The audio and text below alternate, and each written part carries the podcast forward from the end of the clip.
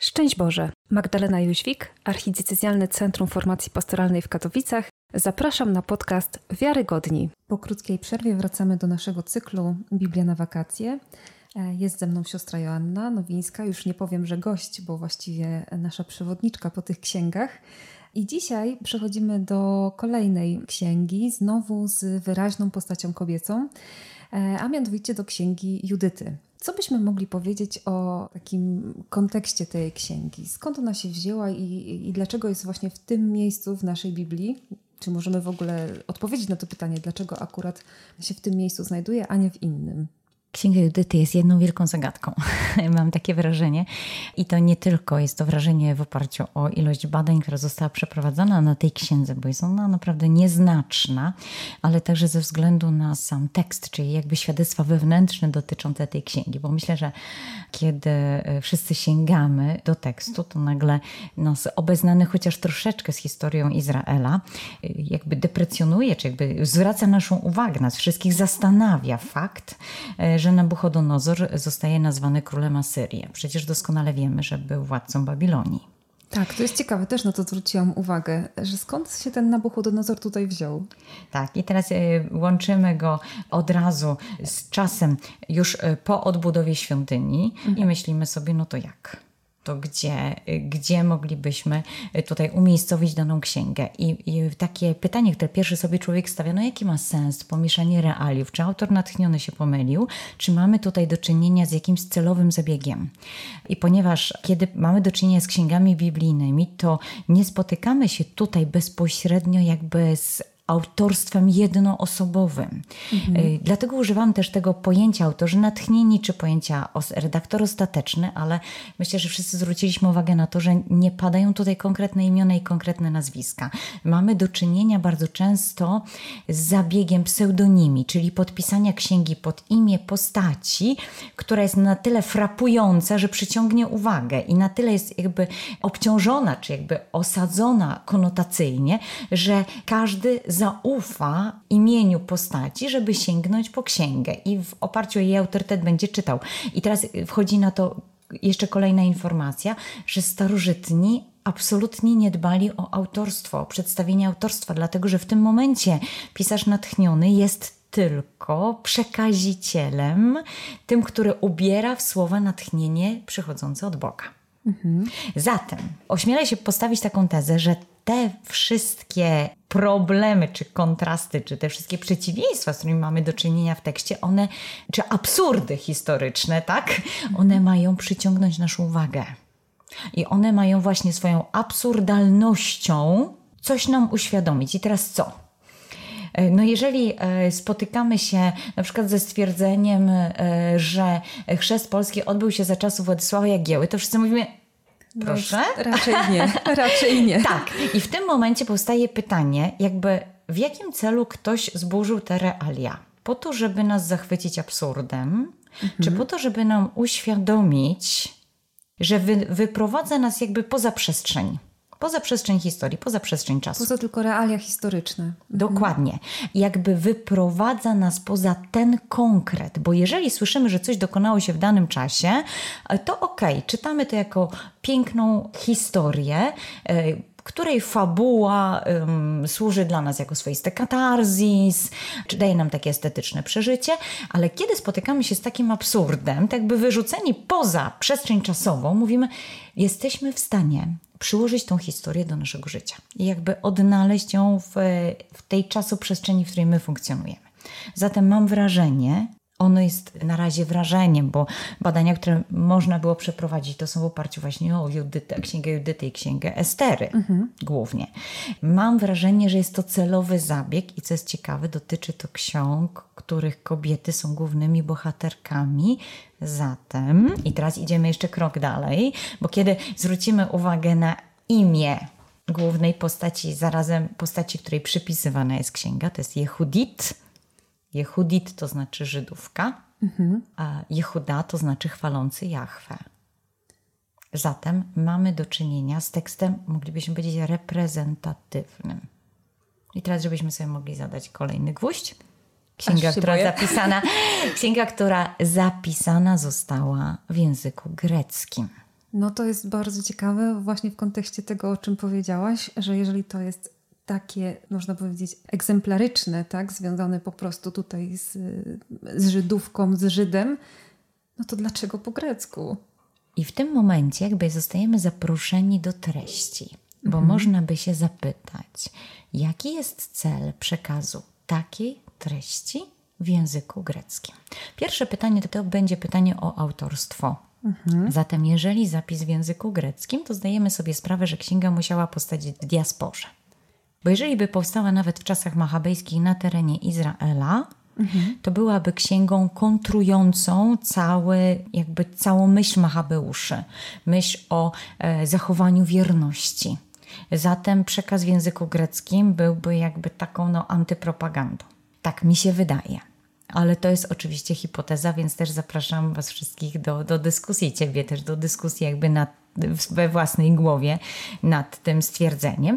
Zatem jeżeli księga powstała w diasporze, to teraz jest pytanie, dla kogo, czy w jakim celu jest taka proklamacja, takie ogłaszanie siły mhm. zawartej w byciu Żydem i jeszcze siły prezentowanej przez kobietę. Może właśnie wbrew pozorom to, o czym powiedziałaś, jest trochę odpowiedzią na to, ponieważ jeżeli ta księga powstała w diasporze, to najprawdopodobniej właśnie ten przykład tej siły pewnie był potrzebny tym, którzy żyją w diasporze, nie? więc w pewnym sensie jest odpowiedź e, na to, na to w treści samej księgi, prawda, że no nie chcę powiedzieć, że to jest księga ku pokrzepieniu serc, odnosząc się do takich naszych realiów, ale chyba trochę tak. Chyba trochę tak, że, że potrzebne było tutaj nie tylko pokazanie, tak jak na przykład w księgach machabejskiej, tej wierności takiej ponad wszystko, ale z drugiej strony też takiej siły wynikającej z tożsamości, z tego, kim jesteśmy, prawda? Tak, i tu już jesteśmy bardzo blisko. Wiesz, e, myślę, że trzeba by rozwinąć jeszcze to pojęcie tożsamości, mhm. które akcentuje księga, bo jakby można by wysunąć kolejne pytanie, dlaczego kobieta jest bohaterką? Bo jeżeli byłby tu mężczyzna bohaterem, to mielibyśmy taki klasyczny przykład, inspirujący, podnoszący, jakby wypychający do jakiegoś działania, implikujący jakieś działanie, jakieś postawy. No i teraz jest pytanie, dlaczego kobieta? I w tym momencie jakby mam, mam taką, y, chciałabym poddać jakby pod dyskusję, może pod dyskusję czy pod myślenie taką sugestię, przerzucenia w tej księdze, czy jakby skorzystania w tej księdze przez autorów natchnionych z obrazu, który jest znamienny dla ksiąg prorockich, czyli Izrael jako oblubienica Jahwe. Też o tym pomyślałam, dokładnie o tym. I w tym momencie mamy Jahwe mhm. i mamy Jehudit, czyli mamy Jahwe i osobę, która docenia wartość Jahwe, no bo wychwalający Jahwe to chwała, hebrajskie kabot, które oznacza przede wszystkim wartość. Zatem widzę wartość w Bogu, mhm. przyznaję w sobie, ogłaszam na zewnątrz. I to jest wychwalanie. Zatem Jehudit, ktoś, kto widzi wartość. I chyba odpowiada, prawda? Po prostu odpowiada na to, kogo doświadcza, kogo widzi, kogo rozpoznaje. Y, to jest automatyczne, tylko że widzimy jakiś cenny, wartościowy, interesujący nas towar w sklepie, tylko po prostu kupujemy. Albo przynajmniej bardzo chcielibyśmy. Tak. A jeżeli weszliśmy do sklepu z zamiarem mhm. właśnie nabycia i w tym momencie jakby rozszerza nam się księga Judyty, jakby je, całe jej przesłanie przechodzi z tego wrażenia, które mamy startując do Księgi Judyty, że to jest jakby księgi, podobnie jak Estera, że Ester jeszcze bardziej jak Baś z Tysiące Jednej Nocy, trochę albo jakieś opowiadanie batalistyczne, czy jakaś baść andersenowska, prawda? Jakby przechodzimy z tego pułapu na tekst, pod którym kryje się przesłanie czerpiące z obrazów ukształtowanych w tekstach prorockich i zarazem bardzo silnie ewokatywne, silnie oddziałujące na nasze emocje, na naszą relacyjność, na naszą relację z Bogiem. Mhm.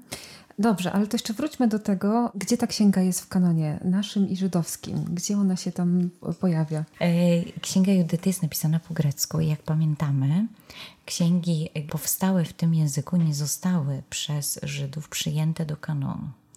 I kiedy naród żydowski zamyka swój kanon w pierwszym wieku, no, trudno to wiązać, już dzisiaj się wprost mówi, że nie wiążemy tego z synodem w Jamni, ale kiedy zostaje jasno wskazany w konfrontacji z chrześcijaństwem y, zestaw ksiąg, które są fundamentalne dla poznawania Boga, mhm. kiedy jesteśmy Żydami, to Księga Judyty się tam, co ciekawe, nie lokuje. Dlaczego? Ze względu na język. W tym momencie nie mamy jeszcze żadnych podstaw, żeby stwierdzić, czy nie było tak, że księga ta została napisana wzorcowo, pierwotnie, po hebrajsku. E, to, co badacze e, języka e, stwierdzają, to obecność w księdze archaizmów, że mamy do czynienia z wprowadzeniem imion jak Arfaksat, jak Arioch z księgi sędziów, przywołanie Izmaelitów i Madianitów, ale pragnę zaznaczyć, że wprowadzenie nazw własnych nie sugeruje słownictwa zatem w tym momencie, na dzisiejszy stan badań, nie jesteśmy w stanie nic stwierdzić. I teraz powiem jeszcze dlaczego. Dlatego, że język grecki jest tutaj podstępnym językiem. Dlaczego? Ponieważ stając się językiem diaspory od czasów Aleksandra Macedońskiego, czy od czasu tej ekspansji kulturowej, e, jaka miała miejsce, jaka szła wraz z ekspansją terytorialną wojsk greckich, tą, z tą koncepcją Aleksandra Macedońskiego, język grecki staje się taka, takim lingua franca całego świata. Mhm. I porozumiewanie się za jego pośrednictwem nie oznacza przyjęcia kultury, ale może oznaczać zastosowanie aktualnie działającego kanału przekazu. Zatem to może być stricte narzędziowa sytuacja. Więc może być wykorzystanie tego języka. Poza tym, e, jeżeli sięgniemy do pism z elefantyny, to też zobaczymy, że tam mamy zapisy o bardzo dużej przewadze Żydów w środowisku de facto egipskim, ale zdobytym przez Greków, gdzie Żydzi w czasach władzy greckiej mają więcej do powiedzenia w społeczności niż sami rodzimi Grecy.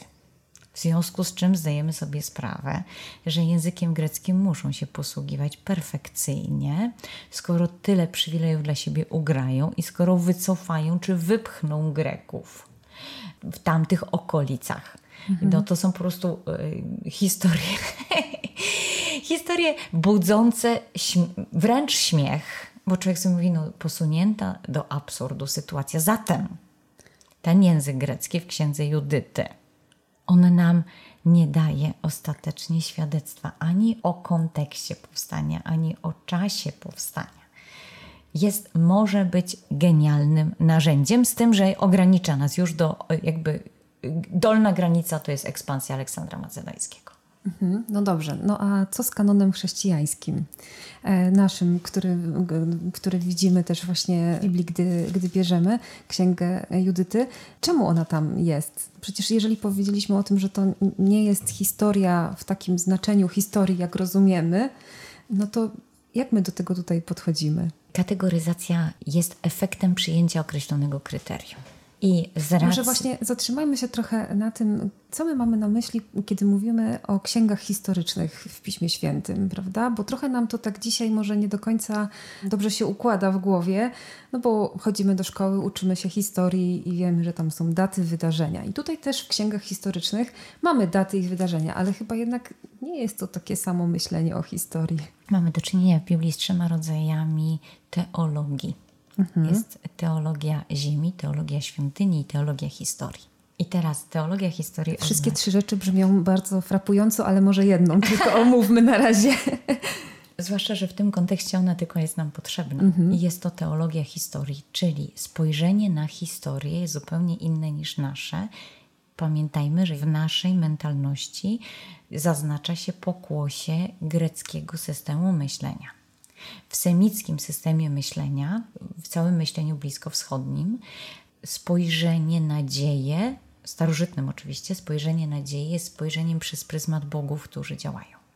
Zatem to, co jest najważniejsze w historii, sensu stricte, to spojrzenie przez pryzmat działania Boga. Zatem odnotowane są te wydarzenia, które pokazują nam potęgę naszego Boga. Dlaczego?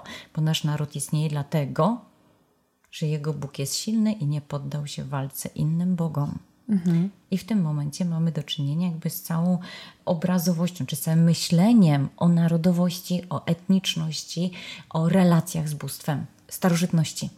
Rzeczywiście, porównując to do naszych kryteriów, to faktycznie jest to zupełnie inne, inne pojęcie, gdzie właśnie no, chodzi o to działanie Boga, tak? o to, że to On jest na pierwszym, na pierwszym planie, no i teraz chyba możemy już wybaczyć trochę tym autorom biblijnym ich czy zamierzone, czy niezamierzone e, błędy historyczne i, i pomieszanie, tak?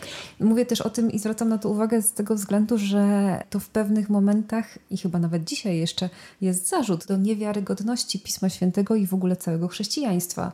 Bo jak ono może być wiarygodne, skoro archeologia, skoro dzisiejsze badania historyczne pokazują, że to wcale tak nie było, prawda? Dlatego, że mamy do czynienia z księgą, która ma zupełnie inny charakter. Ona nie ma być podręcznikiem do historii, ani podręcznikiem do przyrody, czy podręcznikiem do kulturoznawstwa, tylko ma być przekazem o Bogu. Więc no, jeżeli dotyczy Boga, no to Bóg jest głównym bohaterem, na nim skupiamy swoją uwagę.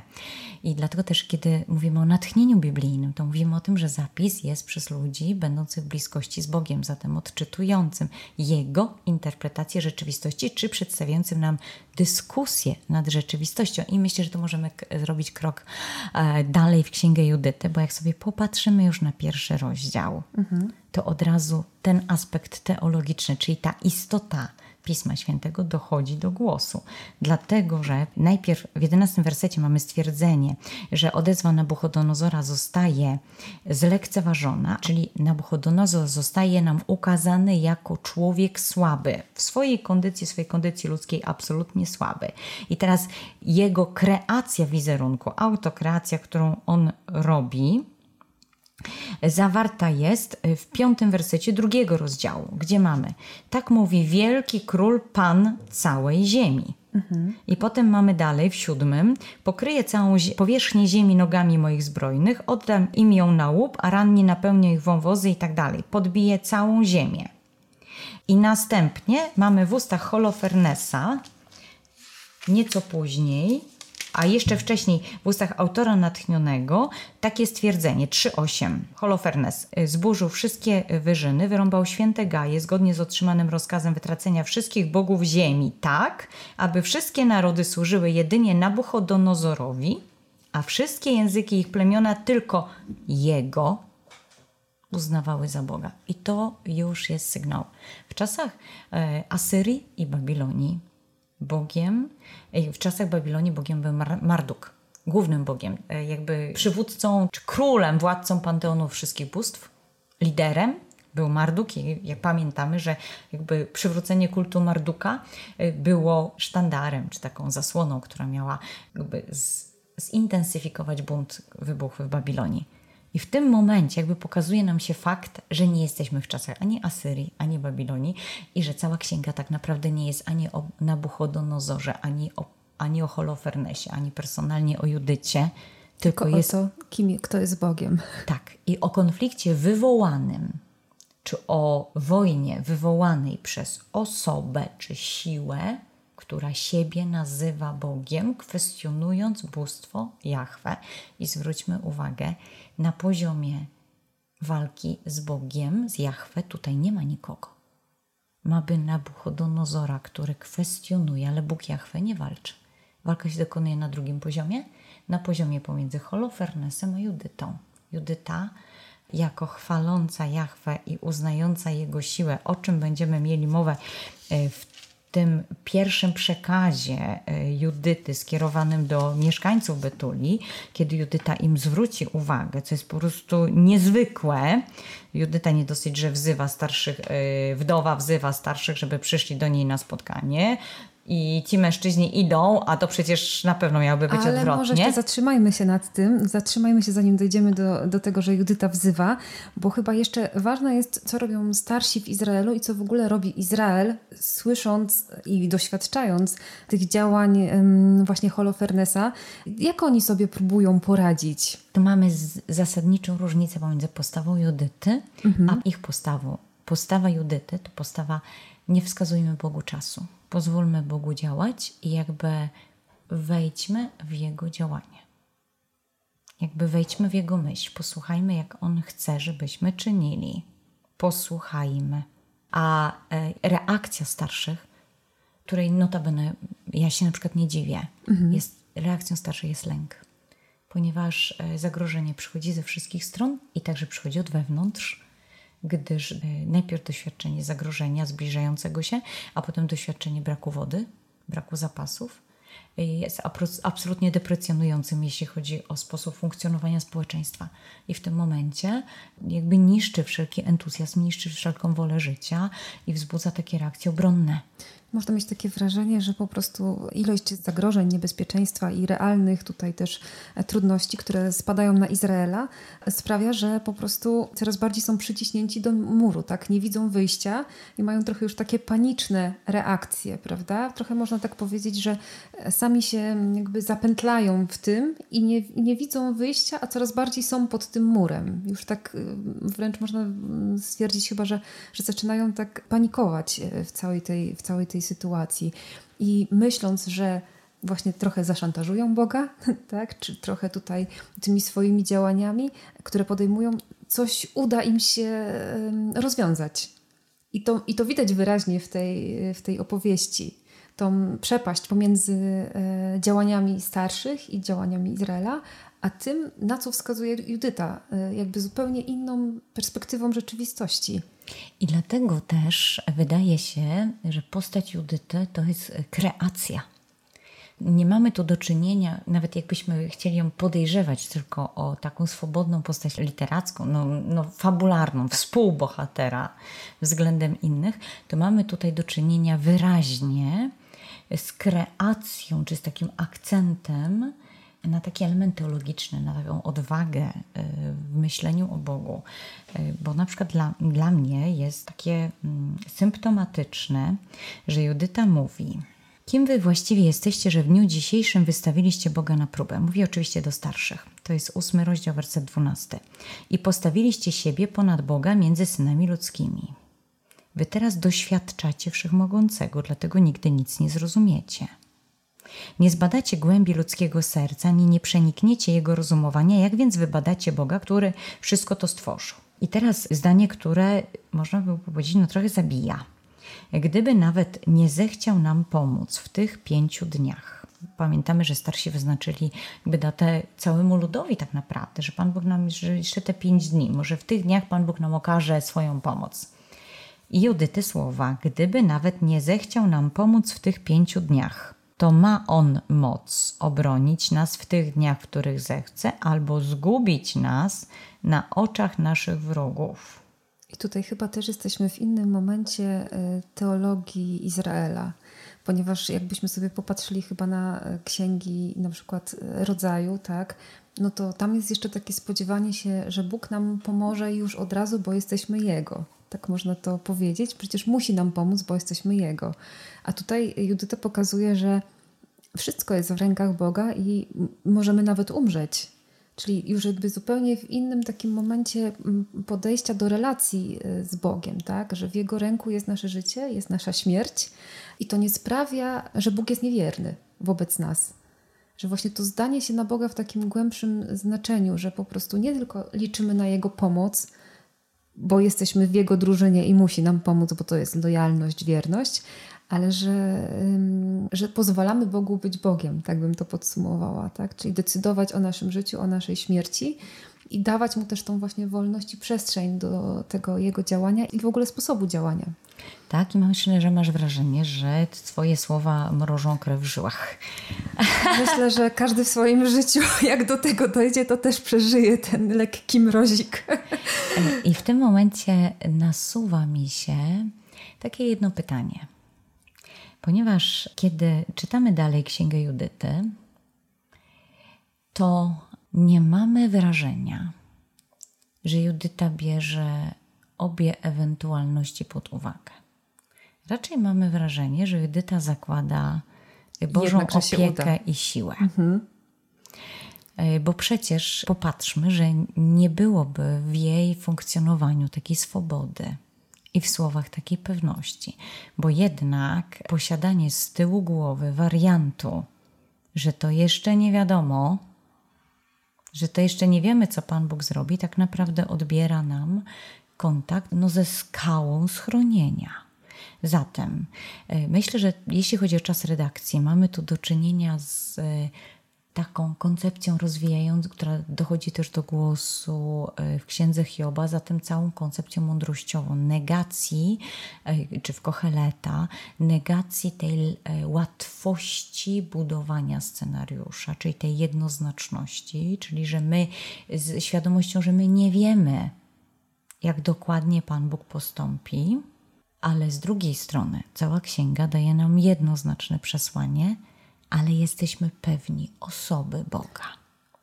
I myślę, że jeżeli byśmy chcieli gdzieś to przetransformować na nasze życie, to istotne jest poświęcanie uwagi hasłu charakterystycznemu dla alfy. Nie mów Bogu, że masz wielki problem, ale powiedz swojemu problemowi, że masz wielkiego Boga. Przesunięcie akcentu, prawda, na osobę, na relacje, a nie tyle na to, co tutaj ta osoba powinna dla nas zrobić. Tak, i na potęgę Boga. Proklamacja. Myślę, że jeżeli proklamujemy potęgę Boga, jeżeli błogosławimy Go i uwielbiamy, zdajemy sobie sprawę z Jego mocy i wzrasta w nas przekonanie, że chociaż ja nie ogarniam, chociaż gdzieś pcha się do mojego mózgu stwierdzenie, że będzie kiepsko, to jednak On, który ontologicznie, bytowo, tak, zasady ma moc, no to On na pewno nie spocznie, skoro On jest dobry i kocha. Myślę, że w tym momencie jest pytanie, czego dosypujemy do tej herbaty? Soli czy cukru? Ale też trochę bym tutaj chciała tym razem ja wbić kij w mrowisko. A bardzo Cię proszę. Jednak umierają sprawiedliwi. Może nie w tej księdze i nie w tym kontekście, o którym teraz rozmawiamy, ale gdybyśmy to tak chcieli prosto przenieść na nasze życie, to my wiemy, że umierają sprawiedliwi. Umierają ludzie, którzy chwalą Boga, cierpią ludzie, którzy chwalą Boga, i czasami zadajemy sobie wszyscy to pytanie, czy naprawdę muszą, czy Bóg naprawdę nie mógłby czegoś zrobić, żeby oszczędzić od choroby, cierpienia, od takiej, a nie innej śmierci. No i tutaj już pomijając nasze historie życiowe, to święci są tego też świetnym przykładem, prawda? Że przecież chwalili Boga swoim życiem, a jednak, no, może byśmy, jakby, jakbyśmy my to pisali, tą historię, to może byśmy dali im inny happy end.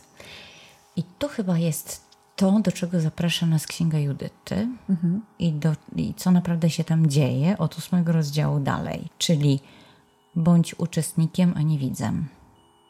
Bądź uczestnikiem swojego życia, aktorem swojego życia, a nie widzem. Bo jeżeli będziesz widzem, to scenariusz, który ci się rysuje przed oczami, cię na tyle przerazi, że nie staniesz się aktorem. Ale jeżeli jesteś aktorem, to znaczy dajesz Bogu dostęp do swoich sił i uruchamiasz tożsamość, którą ci ofiarował. Czyli mamy Judytę, która mówi: My nie uznajemy innego Boga oprócz niego, dlatego spodziewamy się, że on nie wzgardzi nikim z naszego narodu. Przypomnijmy sobie, co on uczynił z Abrahamem i tak dalej. A potem mamy Judytę, która mówi: Posłuchajcie mnie, dokonam czynu, który przejdzie do pamięci dzieci tego narodu. I Judytę, która po tej proklamacji pości, posypuje głowę popiołem, ale teraz po co? Nie po to, żeby wyjść i się pochwalić, że ja tu teraz poszczę, tylko żeby uczynić to częścią swojej, swojego dialogu z Bogiem, sygnalizując jakby nam, jako ona, jako aktorka tej całej, tej całej fabuły, sygnalizując nam, teraz rozmawiam z Bogiem, chcę dać mu pełną przestrzeń działania przeze mnie. I moglibyśmy, idąc dziewiątym rozdziałem dalej, też dostrzec to, do czego dochodzi Judyta w tym momencie. Mówi: Boże Ojca mego, Boże dziedzictwa Izraela, władco nieba i ziemi, stwórcą od królów wszelkiego stworzenia. Dochodzi do przekonania, Ty jesteś Bogiem, Bogiem wszelkiej potęgi, mocy, nie ma nikogo oprócz Ciebie. Przestała wołać do Boga, ubrała się, poszła. I co jeszcze, jak się ubrała? I w tym momencie mamy do czynienia z pomysłem Pana Boga, który ofiarowując nam aparycję, sposób funkcjonowania, dowcip, zmysły, mówi dziecko, no przecież ja się nie pomyliłem, że to ci ofiarowałem. No coś to Korzystaj masz, z tego. prawda? Tak. że niech to sprawia, że ty będziesz bardziej doświadczać mnie, a zarazem ludzie przez ciebie będą mogli spotkać się ze mną. Wiesz co, i chyba to jest rzecz, nad którą warto chyba się tutaj na chwilkę zatrzymać, bo mam takie wrażenie, że czasami szukamy tych rozwiązań, tych spadających gwiazdek z nieba, tych nadzwyczajności wokół siebie, gdzieś na zewnątrz, a chyba zapominamy i trochę nie zwracamy na to uwagi, co mamy w swoim naturalnym wyposażeniu właśnie jako osoby w relacji do Boga że y, Bóg nam przecież całkiem sporo różnych talentów, zdolności, umiejętności, wszystkiego, co byśmy tutaj mogli sobie wymienić o sobie, dał. I dał nam to właśnie po to, żeby się tym, żeby się tym posługiwać. I mam takie wrażenie, kiedy Cię słucham i, i też e, kiedy czytałam też tą księgę, że z tej relacji z Bogiem e, Judyta dostała moc do tego, żeby wykorzystać cały swój potencjał.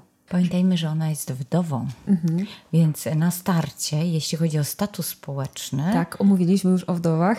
tak, jest e, w kiepskiej kondycji, natomiast mąż ją zabezpieczył, więc ona ma... Bardzo miło z jego strony. Oczywiście, co to nie jego zasługa, bo umarł po prostu i nie wydał całego majątku przed śmiercią, ale zarazem Judyta jest zabezpieczona. I Co jest ciekawe, jest podana jej genealogia. Jak popatrzymy na początek ósmego rozdziału, to jest to ewenement. Dlatego, że żadna kobieta nie zostaje opisana w ten sposób. Stąd też wiemy, że to jest pewien paradygmat narodu izraelskiego. Teraz jak popatrzymy dalej, to zobaczymy Judytę, która de facto wykorzystuje zdolności, jakby wykorzystuje całą swoją aparycję, image, prawda? Do tego, żeby zmanipulować Holofernesa, ale też jakbyśmy już chcieli ją osądzić, to de facto musimy powiedzieć, że ona po prostu wsadza palce między drzwi. I e, warianty, że nie zostaną przytrzaśnięte, no jest... E, 50 na 50. tak, albo nawet jeszcze mniej, 99 do 1. Okej. Ale wiesz, jak już jesteśmy przy tym postępowaniu Judyty, mówimy o tym, że oddała się temu Bożemu działaniu, tak? Że, że tutaj Bóg ją prowadzi, daje jej natchnienie, pokazuje jej, co powinna zrobić, przygotowuje ją też do tego, I ona codziennie wychodzi wieczorem na modlitwę. I w ten żeby sposób pozostać w tej relacji. Tak, otrzymujemy informację, że ta łączność jest permanentna, że ona nie jest tutaj jakby samowolką Judyty, ale to nie jest wersja posłuszni Bogu, tylko wersja jest ktoś, kto tutaj tak naprawdę działa. Ktoś, kto rządzi tą rzeczywistością. I na to nam też wskazuje absurd. Przepraszam, bo weszłam ci Tak, w tak, słowo, jasne, jasne. ale na to nam też wskazuje absurd całej sytuacji. Ponieważ jeżeli czytaliśmy jakieś kryminały czy romansidła, to doskonale wiemy o tym, że sytuacja, że piękna kobieta przybywa w obozie nieprzyjaciela i sama tam przyszła. I ona, ona jest w stanie przeżyć tam kilka dni i my sobie myślimy, mhm, tak, Jakim cudem. dokładnie, na pewno. No dobrze, dobrze, ale właśnie przypatrzmy się temu postępowaniu Judyty, no bo wszystko pięknie, tak? Ona tutaj pokazuje się jako ktoś, kto jest w relacji z Bogiem, kto chce działać dla dobra swojego ludu. No ale te środki działania jakoś mi tutaj nie pasują do naszych standardów moralnych, tak? To znaczy, no mamy tu trochę manipulacji, mamy tu zabicie wręcz bezbronnego, no bo pijany mężczyzna, no to raczej no dobrze, no może dla wyrównania szans, tak, ale mimo wszystko. Ja bym tu zwróciła uwagę właśnie na ten element. Na ten element pijany. Ponieważ jeżeli przyjrzymy się całej księdze, to mamy wrażenie z jednej strony, że Nabuchodonozor ma bardzo kiepską świadomość oglądu rzeczywistości, bo jego pycha... ego. Tak, bo jego pycha jest tak horrendalnie wielka, Że przysłania tą rzeczywistość. Mhm. Mamy do czynienia z Holofernesem, który e, słuchając de facto Achiora czyli człowieka, który jest przymierzony, ale spokrewniony, bo sam Monito jest spokrewniony z Żydami. Słuchając, bo właściwie strategię ustawia według sugestii Achiora, okazuje się no, człowiekiem trochę bezwolnym mało używającym swojego własnego krytycznego myślenia. Mhm. I teraz mamy do czynienia, oczywiście wymieniam tutaj tylko niektóre aspekty tego braku świadomości tego braku świadomości, z jakim mamy do czynienia w przypadku Holofernesa. I teraz człowiek, który zamierza wykorzystać kobietę, ale najpierw upaja się winem. To jest sytuacja, która dla, dla ludzi czytających romansidła czy kryminały wydaje się sytuacją co najmniej głupią z redakcyjnego punktu widzenia. Czyli czy autor zasnął w tym momencie, że napisał takie rzeczy. I takie absurdy, podobnie jak te absurdy history, historycyzujące, one mają być dla nas takimi elementami przyciągającymi uwagę. Czyli mamy do czynienia z człowiekiem, który jest nieświadomy, czyli z człowiekiem, który nie używa mózgu. I jakbyśmy wrócili do księgi Amosa, to byśmy mhm. zobaczyli zarzut, jaki Pan Bóg stawia Izraelowi.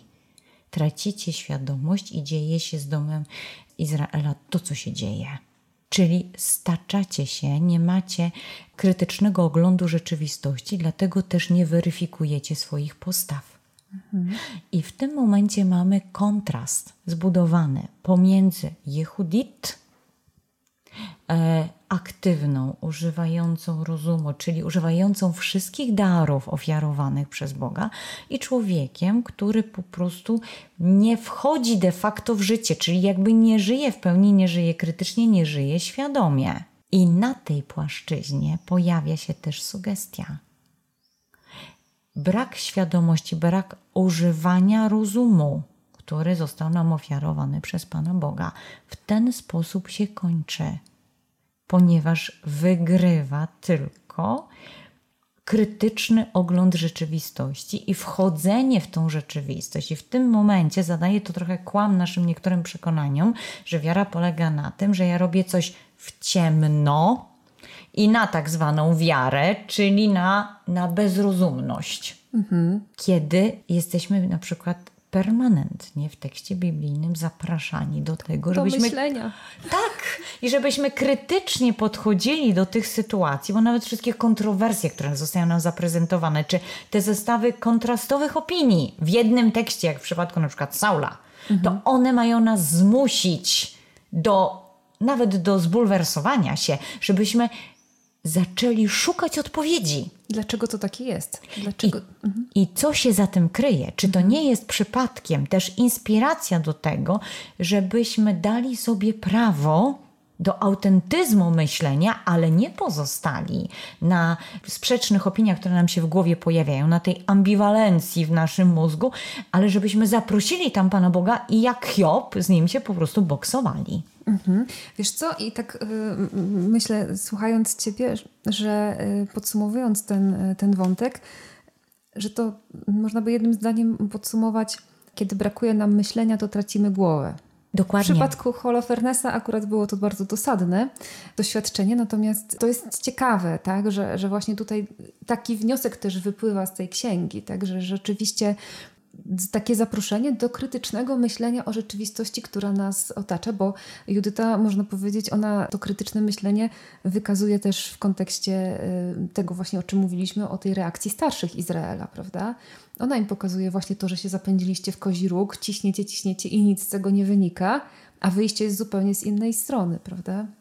E, ja bym zwróciła jeszcze uwagę na jeden wątek, który wydaje mi się, że jest istotny w przypadku Księgi Judyty, mhm. bo jeżeli czytamy wynikliwie ten tekst, czy go słuchamy, bo wiadomo, że mamy różny rodzaj percepcji, to na pewno zwraca naszą uwagę tekst. Błogosławiona jesteś córko przez Boga Najwyższego z pomiędzy wszystkich niewiast na ziemi i tak dalej. Z 13 rozdziału to są słowa, które wypowiadają mieszkańcy Betuli po tym, jak Judyta przychodzi z głową Holofernesa y, y, i przekracza bramy miasta. I słuchając uważnie liturgii, mówimy, aha, te słowa są przypisywane Maryi. Tak, tak, dokładnie. I myślę, że tutaj warto, żebyśmy pamiętali, że Maryja jest reprezentantką narodu żydowskiego, że kiedy pada w Nowym Testamencie słowo niewiasta, w pismach Janowych i my się zastanawiamy, czemu Jezus nie mówi do Maryi mamo, gdzie każdy normalny człowiek by tak powiedział. To za tym terminem niewiasta kryje się cały Izrael. I zgodnie też z przekazem, który myślę, że bardzo, bardzo taki merytorycznie głęboki sposób został nam ofiarowany przez Gerarda Rolchwinka w książce Maryja nie bez Izraela, otrzymujemy sugestię nie czyńmy Maryi Bogiem, ale pamiętajmy, że Pan Bóg włożył ją w całe dziedzictwo Izraela, w którym Izrael jest oblubienicą Jahwe. W to wpisuje się Maryja. Izrael ma wśród siebie takie kobiety. Co to za naród, który ma takie kobiety, jak pokazuje nam Księga Judyty? I jakbyśmy weszli, w, przy, tutaj wsadzili też postać Maryi, co to za naród, który ma takie kobiety, czyli co to za Bóg, który w takim narodzie potrafi zrobić takie rzeczy. I w tym momencie jest to też przesunięcie naszej uwagi z osób, wobec których mówimy: o, No, ja już taki nie będę. Mhm. Na Boga, który może z nami zrobić wiele więcej niż myślimy czy rozumiemy. I z tym zostawiamy naszych słuchaczy. Bardzo dziękuję za dzisiejszą rozmowę, a wszystkich zapraszamy oczywiście do lektury księgi e, Judyty. Przez najbliższy tydzień polecamy ją właśnie e, w wakacje. Oczywiście można ją też czytać w innych miesiącach. Natomiast za tydzień kolejna bohaterka i kolejna przygoda, więc bądźmy gotowi. Dzięki serdeczne, Madzia. Dziękuję bardzo.